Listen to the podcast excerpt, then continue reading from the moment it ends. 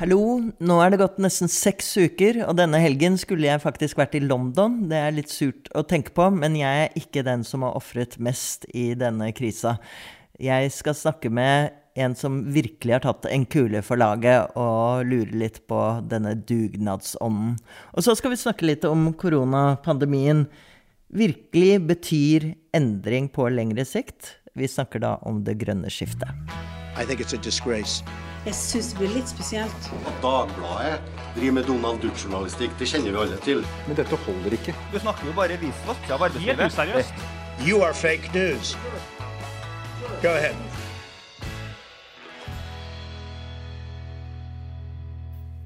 Koronaepidemien får alvorlige økonomiske konsekvenser for både norsk økonomi og verdensøkonomien. Og særlig så har den rammet mange som har små og mellomstore bedrifter. Og for å kompensere for det, så har regjeringen kommet med krisepakker. Og det skal være som en takk for den dugnadshjelpen som alle stiller opp på, men særlig disse bedriftene. Og Anne Karin Norskag, du satt vel ganske spent og ventet på Jan Tore Sanner skulle komme med disse krisepakkene sine. Hva skjedde da du åpnet den?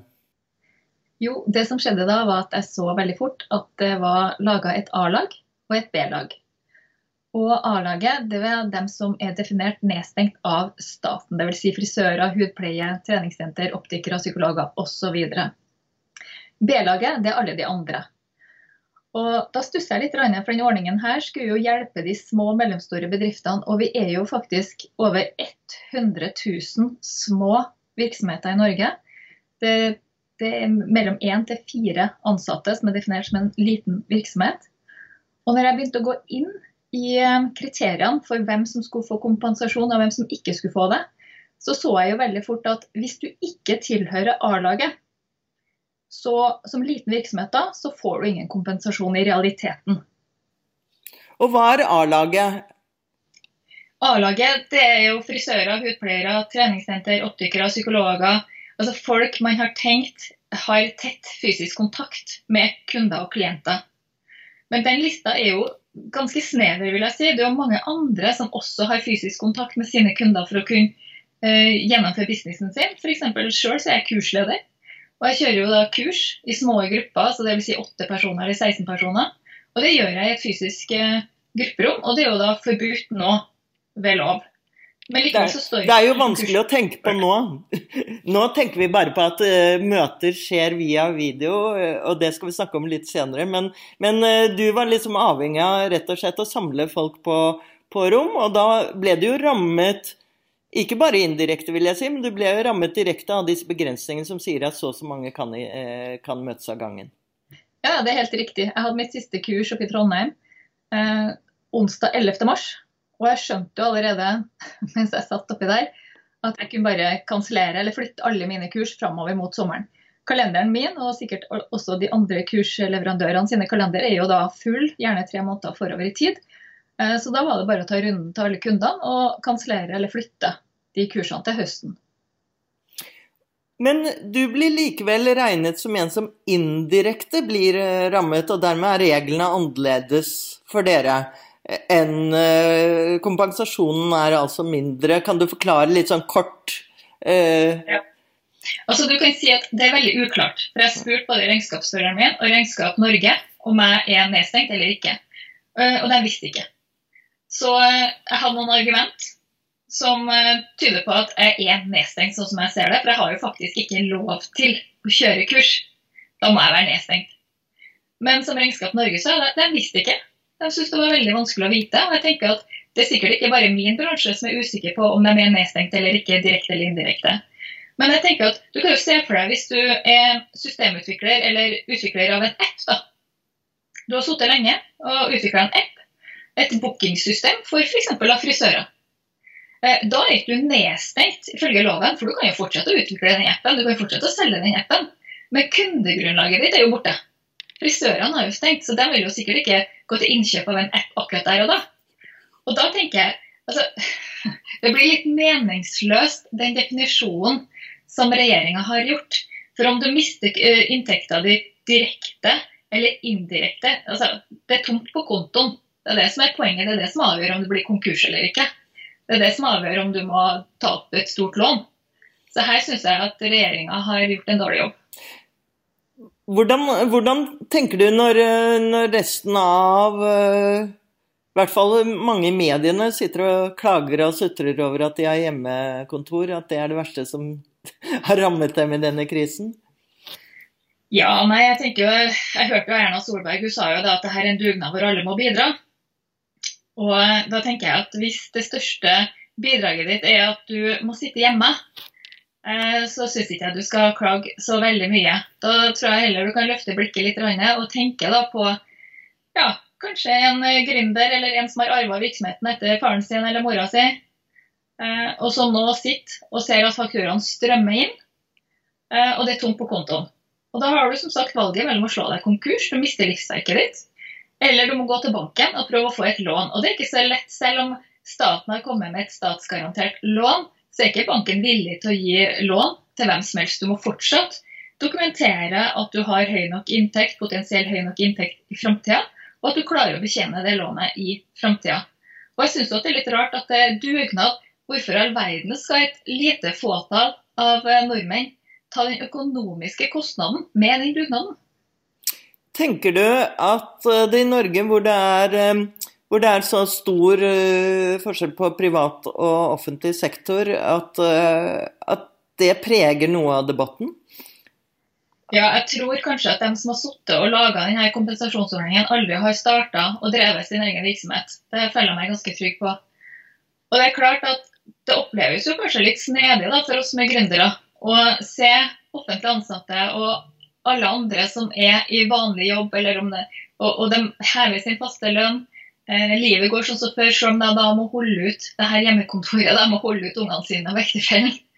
Eh, de slipper jo den slitsomme sjefen og den kjipe kollegaen. Det har jo noen sagt til meg at det er en fordel med hjemmekontor. Eh, men livet likevel går jo videre. Eh, mens de her små gründerne de ligger søvnløse om natta. De, de lurer virkelig på hvordan livet deres skal bli om to uker, tre uker, fire uker. Så det er himmelvid forskjell på dugnadsofre mellom f.eks. offentlig ansatte og de små gründerne som i dag har mista inntektsgrunnlaget sitt. Eh, det er jo klart at det er jo ikke alle gründere som har mista inntekta si, det jeg jo bare få understreke. Eh, og personlig så skal jeg nok klare meg veldig bra. Eh, men jeg kjenner jeg blir litt trigga over retorikken til Erna Solberg og Sanner når de går ut og sier at dette er en dugnad for i mitt hode så betyr det at alle skal bidra. Er relativt likt i hvert fall. Uh, og når Sanner i tillegg kommer at nei, men her skal vi hjelpe næringslivet, vi skal unngå konkurser, og så legger han fram en selging, da, en løsning som i virkeligheten ikke treffer de små virksomhetene. Og det sa jo også NHO-sjefen for to dager siden, at det her hjelper ikke de små virksomhetene i det hele tatt. Den er ikke etter intensjon, og den er urettferdig.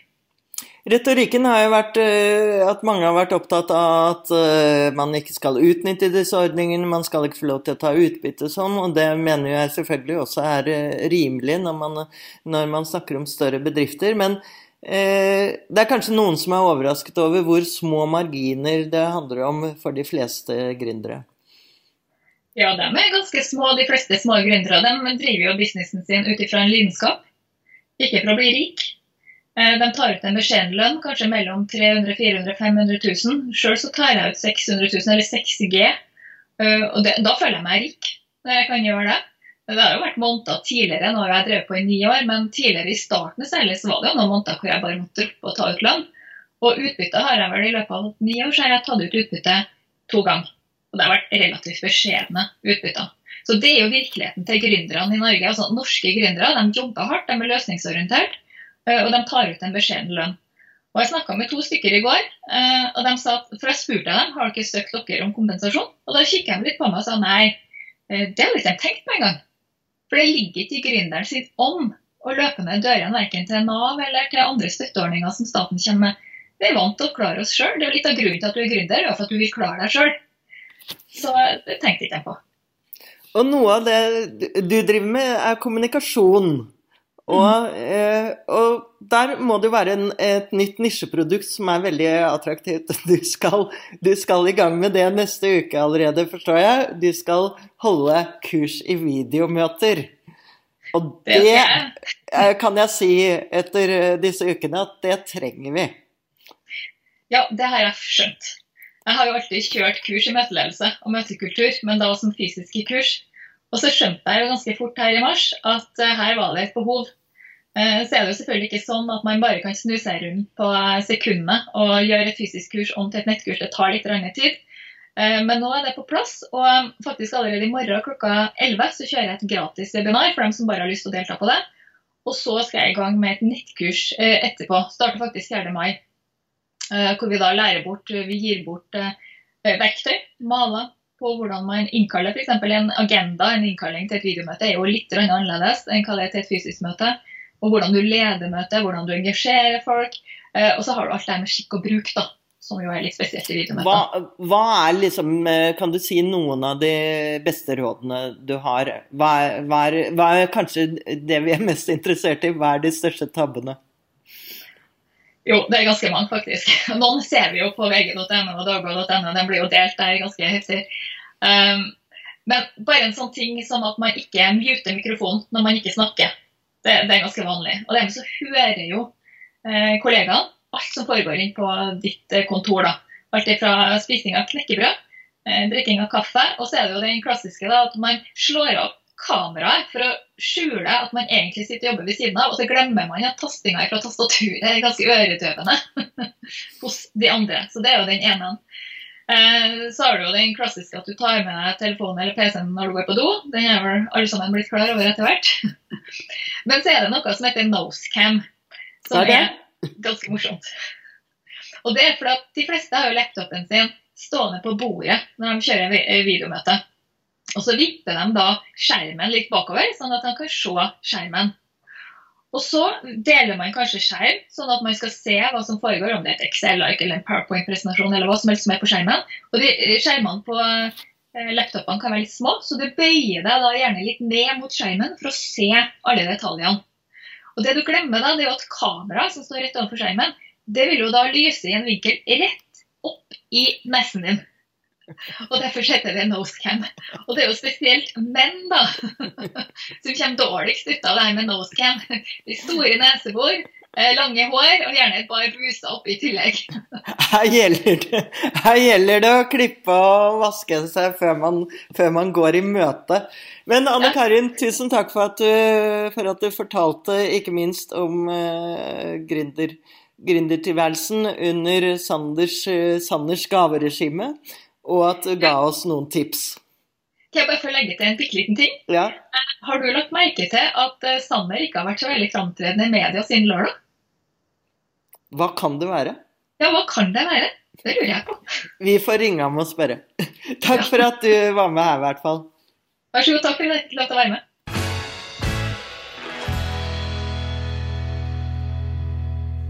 Nordmenn er utrolig heldige i disse koronatider. Vi har en enorm oljeformue som dels er i stand til å kjøpe oss ut av det økonomiske uføret som nå rammer en hel verden. I hvert fall i langt større grad enn en andre land.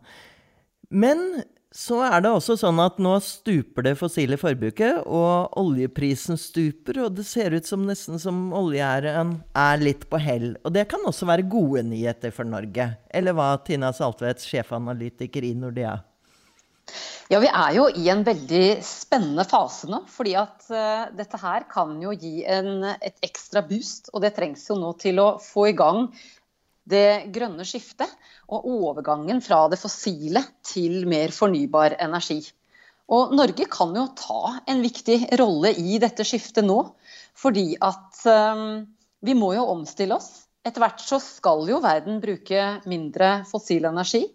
Vi har mye kompetanse på å produsere altså store prosjekter. Store, altså vi har jo mye kompetanse fra olje- og gassektoren. og Vi kan ta den kompetansen og bruke i dette grønne skiftet og få i gang satsingen på fornybar energi. Så tror jeg at vi vil være veldig godt stilt i denne transformasjonen som vi er i gang i. Men politikere jeg har jo inntrykk av når, når det oppstår en sånn krise, så er det lett å, å, vende tilbake til det som er trygt og godt, og det vi er kjent med fra før. F.eks. så så jeg 33 ordførere, norske ordførere som skrev et brev, opprop til regjeringen om at nå måtte de ut og beskytte olja. så er det Jeg hører jo de som kanskje er litt pessimistiske også. De tror at det grønne skiftet forsvinner nå i krisa.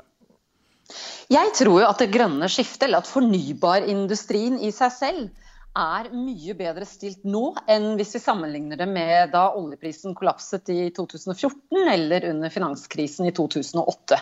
For da var det helt klart at uh, den fornybare sektoren var veldig avhengig egentlig av statlig støtte. Uh, eller støtte på annen måte som drev det fremover. Men det som har skjedd nå, altså det er jo um, det er jo seks år siden eh, forrige oljepriskollaps, og det er jo mange som da sier at når oljeprisen går så mye ned, bensin, diesel blir så mye billigere, ja da vil jo eh, spesielt denne overgangen til elektriske eh, biler, busser osv. gå mye saktere og kanskje stoppe helt opp.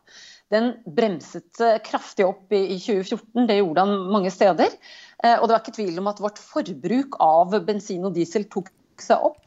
Men jeg tror vi er et helt annet sted nå. Altså Den fornybare sektoren er i en helt annen posisjon. For bare på de siste seks årene så har jo kostnadene med å produsere sol, vind, eh, batteriteknologi, den har jo falt kraftig. Mange steder i verden så begynner jo nå eh, sol og vind å utkonkurrere de tradisjonelle kull og gass og atomkraft. Slik at eh, de, er, altså de har en mye mer solid posisjon nå. Og så tenker jeg også for um, Altså For eh, altså den finansielle verden og investorene så, så, ser vi jo nå at eh, tidligere så har jo dette vært en bransje som har preget av mye ny teknologi eller ukjent teknologi for mange, og at teknologirisikoen har føltes uh, føltes vanskelig. Og da når eh, markedet krasjer, sånn som det gjorde i 2008 og, i 2014, så er det trygt å gå tilbake til oljemarkedet. Og de har jo for så vidt gitt en veldig god avkastning og god profitt i veldig, veldig mange år. Det kjenner vi godt til i Norge. Men nå så begynner jo det ikke bare det at fornybarmarkedet begynner å bli mer solid. Det trenger faktisk ikke subsidier mange steder, så det kan stå på egne ben. Men vi skal også huske på den andre siden, altså finansmarkedet, investorer og bedrifter i seg selv begynner å bli mer kjent med markedet, så det føles ikke så utrygt. Så av de grunnene der så tenker jeg at eh, fornybarmarkedet er sterkere posisjonert nå enn det var ved de forrige krisene. Og så er det jo bare sånne eh, forandringer som du og jeg og alle andre oppdager i disse dager. er jo Vi sitter her og snakker på, på Skype, ikke sant? Og, og du tilhører jo en bransje som eh, er kanskje den mest internasjonale av alle. Og din hverdag må jo være totalt endret nå i løpet av de siste ukene. Ja, min, min, min, jobb som finansanalytiker, som stort sett reiser ut og hilser på kunder og er med på konferanser og holder foredrag, så ble min, eh, altså, min jobbhverdag ble jo totalt endret den første uken eh, da, da koronanedstengingen kom. Men så ser vi at det tok jo egentlig ikke mer enn en ukes tid før man begynner å snu på det. Hva kan man gjøre istedenfor å reise ut til kundene? Hva kan man gjøre istedenfor å være på seminar og informere kunder på den måten? Eh, fordi at informasjonsbehovet er jo minst like stort nå. Så hvordan kan vi nå kundene på andre måter. Og da ser vi jo at nettopp webbaserte løsninger er jo en veldig veldig god løsning, og kanskje til tider enklere sånn at jeg tror at den endringen vi er inne i, den vil jo hjelpe oss kanskje altså Kanskje det er lettere å ta tak i folk. Eh, for denne reisingen tar jo tid. Den krever mer planlegging. At man kan bli eh, enda mer spontan. Og så tror jeg nok at mange ledere også ser det at kostnadene ved transport vil jo bli kuttet dramatisk, og heller investere i et godt kommunikasjonsutstyr.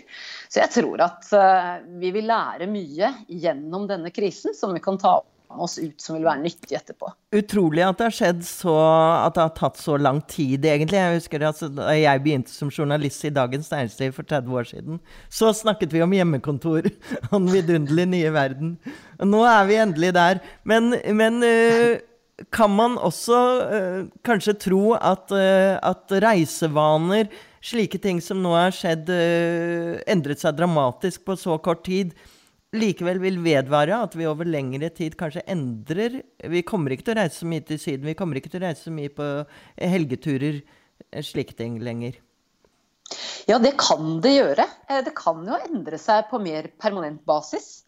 Eh, det vet vi jo ikke ennå, ja, men jeg tror jo at hvis denne krisen varer lenge, altså den drar ut i tid, at du kanskje får oppbluss igjen av disse koronavirusene, det tar lang tid å finne en vaksine eller behandlingsmetoder, så vil vi jo mer og mer endre vanene våre, at det blir mer permanent. Og da er det klart at det kan påvirke i stor grad da transportsektoren. Og, og det er jo selvfølgelig veldig viktig da for oljebransjen. Eh, fordi at Det er jo ikke tvil om hva som har bidratt nå til kollaps i oljemarkedet. Det er jo et kraftig fall i, eh, i nettopp oljeetterspørselen som følge av at flyene nå står på bakken. At en stor del, altså rundt en milliard mennesker, sitter innelukket mer eller mindre i sine hjem og ikke kan bruke bilen. Og at det da har bidratt til en totalt og veldig rask forandring i oljemarkedet som har gjort at det har blitt kaostilstander, og at verdens oljelagre nå svømmer over av olje. Ja, det er et paradoks at amerikanere elsker jo billig bensin, men nå kan de ikke kjøre noe sted. Så, så da er de er de like langt. Men hva tenker du er den største utfordringen for, eh, for at, uh, at, dette ikke kan benyttes som en sjanse til oljeomstillingen? Det er selvfølgelig Vi har et møte as we speak nå. Uh, så er det et møte i EU hvor man snakker om disse tingene. Hva man skal bruke pengene på, for å si det litt enkelt, fremover. Og da kan det jo være at man, man kanskje ikke bruker de på, på grønne investeringer.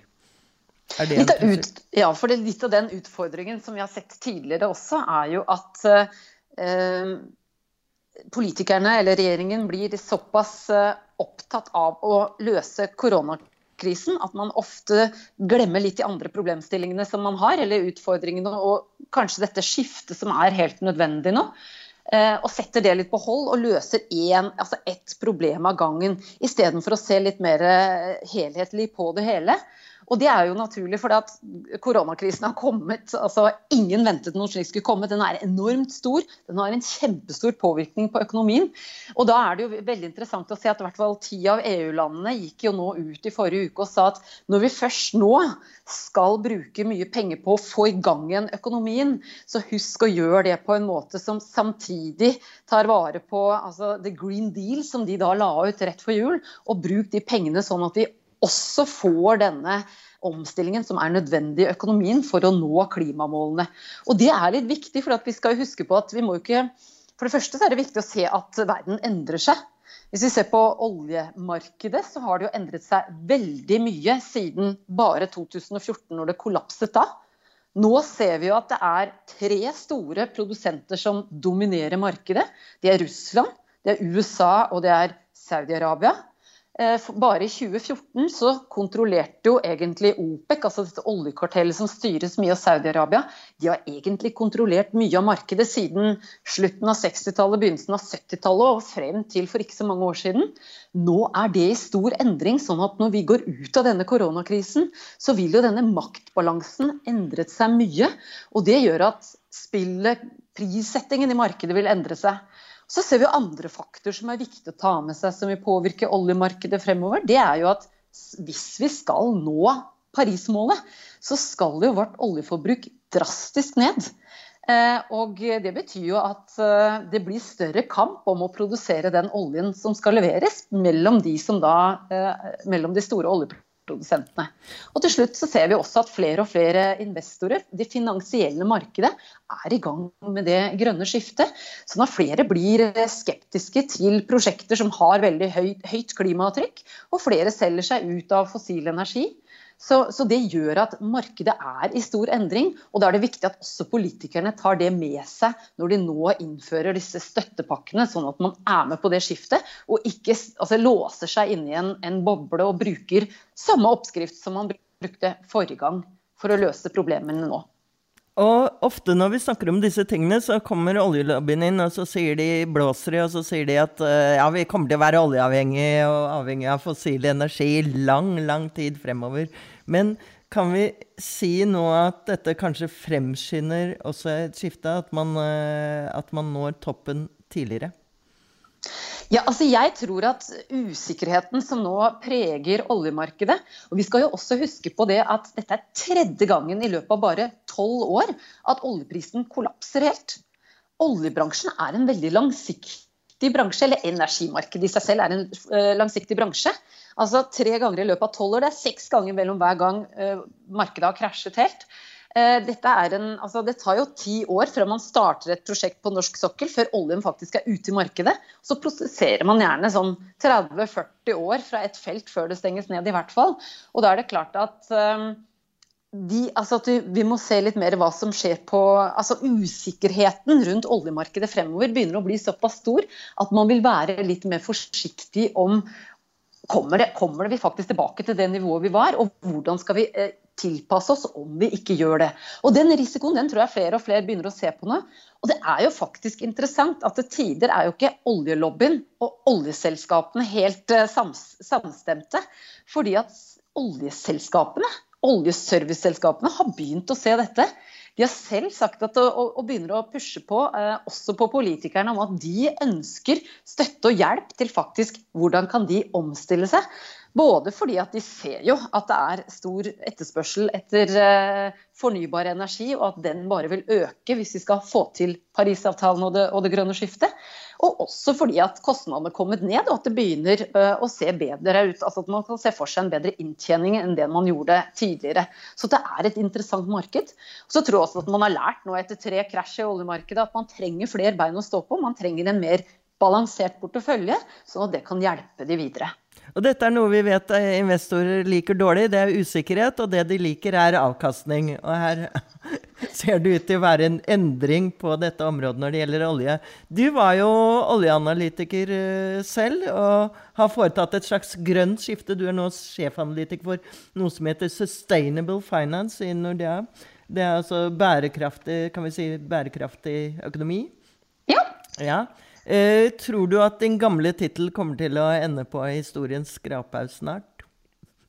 Det er jo litt interessant, for det er jo ingen som har tatt over den posisjonen som jeg hadde. Så jeg tenker det sier litt grann, eh, at oljeselskapene egentlig ikke er olje, eller titulerer seg som oljeselskapet nå ønsker å være energiselskaper. Eh, det tenker jeg også sier litt, eh, eller ganske mye at også nå det blir økt press på dette å måle klimarisikoen, som vi kaller det. Altså klimaavtrykket. Bærekraftsavtrykket med ulike, altså ulike prosjekter vi setter i gang, eller bedrifter. Hvordan påvirker vi i større grad omgivelsene våre? De har vi jo egentlig ikke tatt så mye hensyn til før. Noen har gjort det, men ikke alle. Men nå blir det et økt krav om at vi faktisk er mer oppmerksom på hvordan, hvordan påvirker påvirker vi oppgivelsene våre. Det er ikke bare et krav på at du skal ha en god finansiell avkastning, men du skal også ha en sosial avkastning. At du, du lever mer i tråd med omgivelsene dine og ikke påfører de ekstra skade. Og det er kanskje en uh, gulrot å se alle disse flotte himlene over verdens byer som ingen har sett før, hvor de ser skyline plutselig. Så det er, eh, det er i, hvert fall, eh, i, hvert fall, noe som jeg tror, eh, tror, mange ønsker seg. Nå skal jeg gå ut og sykle litt i det fine været. Det er jo i hvert fall her sørpå har vi et fint koronavær. Tusen takk for at du tok deg tid fra hjemmekontoret ditt. Tusen takk. Veldig hyggelig.